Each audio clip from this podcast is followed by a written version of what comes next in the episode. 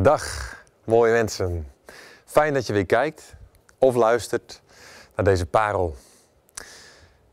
En in deze parel wil ik een, uh, een bijzondere met je openen. Getiteld Onderweg naar Goede Vrijdag en Paas. Een bijzondere serie gericht ook op de 40 dagen tijd. De 40 dagen tijd van oudsher een periode van bezinning op het lijden van Christus. Een stukje verstilling ook wel. Een toeleven naar Golgotha, naar dat moment op Goede Vrijdag dat Jezus zijn leven gaf. Een periode ook die 40 dagen tijd van uitzien naar paasmorgen, die grote derde dag waarop het graf het leeg was, zonder dood en duivel voor altijd in beginsel verslagen. De volledige voltooiing komt. Maar in beginsel op paasmorgen, het graf was leeg. Jezus overwinnaar. Daarop ziet die 40 dagen tijd uit. Goede Vrijdag en Paas. En met deze speciale parelserie dan willen we je ondersteunen in een stukje bezinning en verstilling voor de komende weken. Voor je stille tijd of misschien met iemand samen. Om het te gebruiken in je gesprekken onderling. Een stukje verdieping zoeken in het kennen van Christus. Het toeleven naar Goede Vrijdag en Pasen. En jazeker, we kunnen daarvoor de evangelie gebruiken. We kunnen daarvoor de evangelie induiken. Want Matthäus, de tollenaar, Marcus, de secretaris van Petrus, Lucas de arts, Johannes, een van de beste vrienden van Jezus, alle vier de evangelisten, ze hebben hun uiterste best gedaan. Om de weg van Jezus in zijn tijd onder ons op aarde zo, zo rijk en zo diep en zo ontroerend mogelijk ook op te tekenen voor ons. Om het tot ons te kunnen nemen. En dat is ook fantastisch, die evangelie. En het is ook heerlijk om daarin te duiken. En tegelijk, heel vaak beginnen we bij de evangelie, de verslagen over het leven van Jezus te lezen. Dan vergeten we wel eens dat er al enorm veel rijkdom ligt in het Oude Testament. Want die vier evangelieën, die worden gedragen. Ze worden gestut.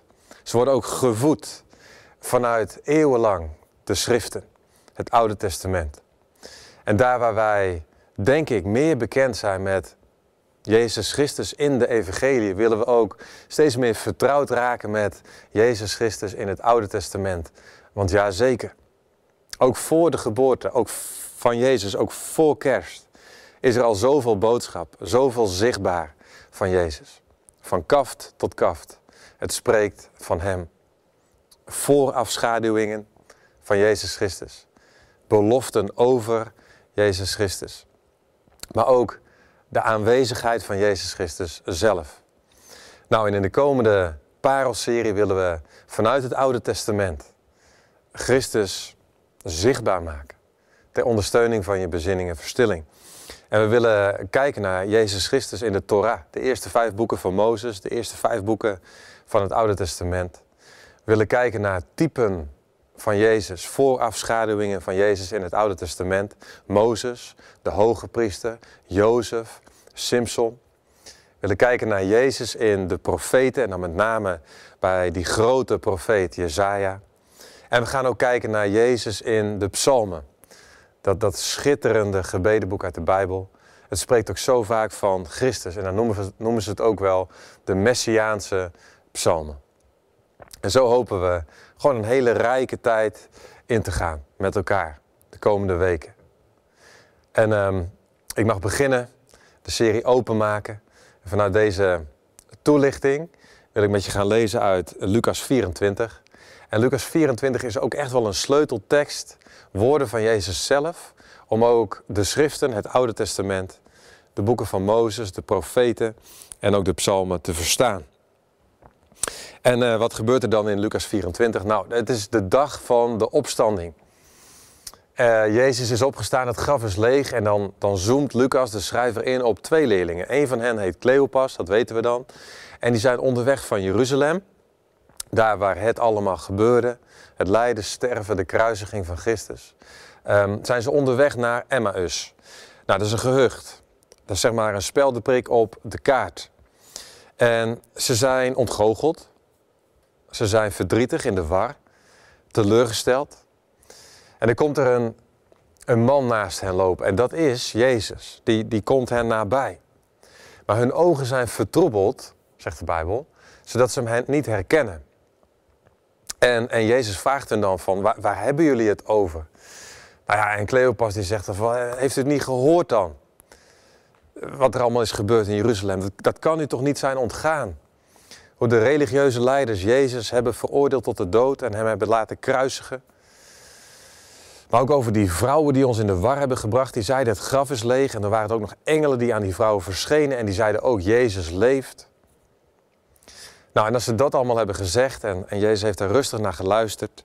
Dan lezen wij in Lucas 24 vers 25 het volgende.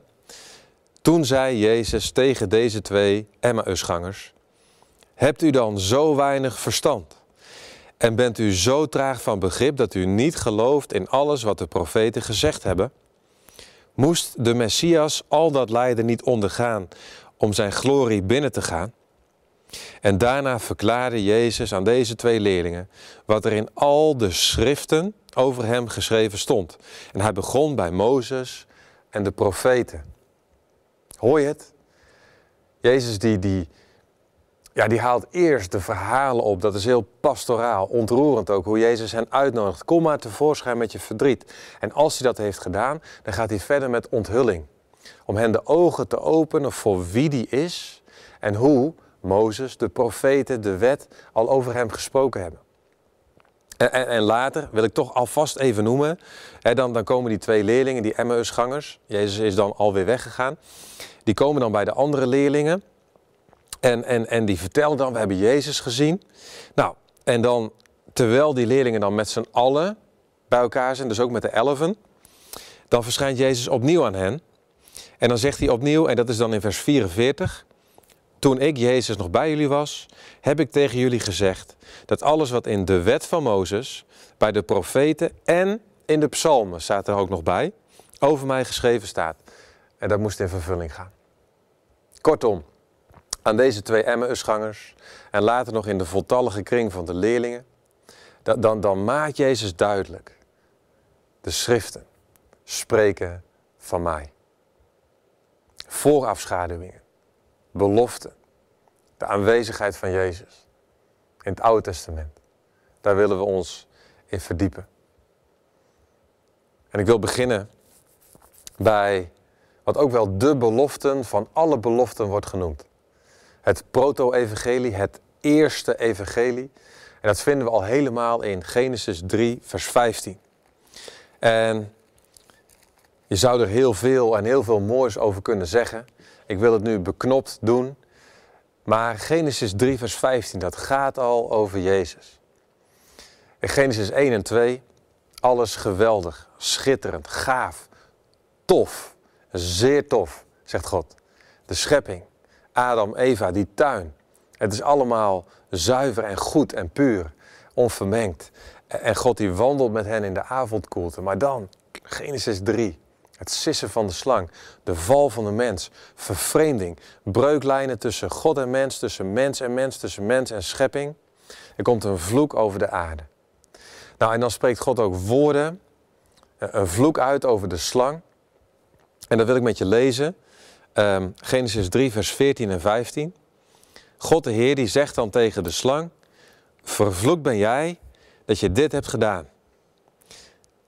Het verleiden van Adam en Eva. Het vee zal je voortaan mijden, wilde dieren wenden zich af. Op je buik zul je kruipen en stof zul je eten je leven lang. Vijandschap sticht ik tussen jou, slang, en de vrouw. Tussen jouw nageslacht, slang, en het nageslacht van de vrouw. Zij verbrijzelen je kop en jij bijt hen in de hiel. In een notendop. De vrouw zal nageslacht krijgen. Het zaad van de vrouw staat. En dat verwijst naar de nakomeling, naar de slangendode, naar Jezus Christus.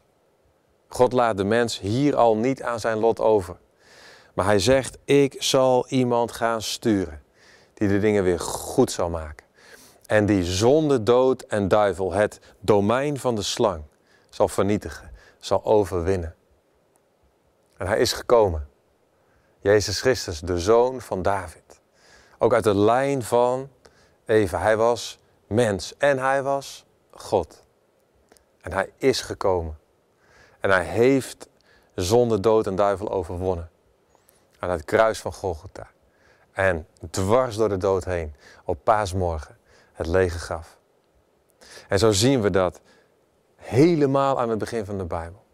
God al begint te spreken woorden van hoop, te midden van tragedie. Woorden van leven, te midden van chaos.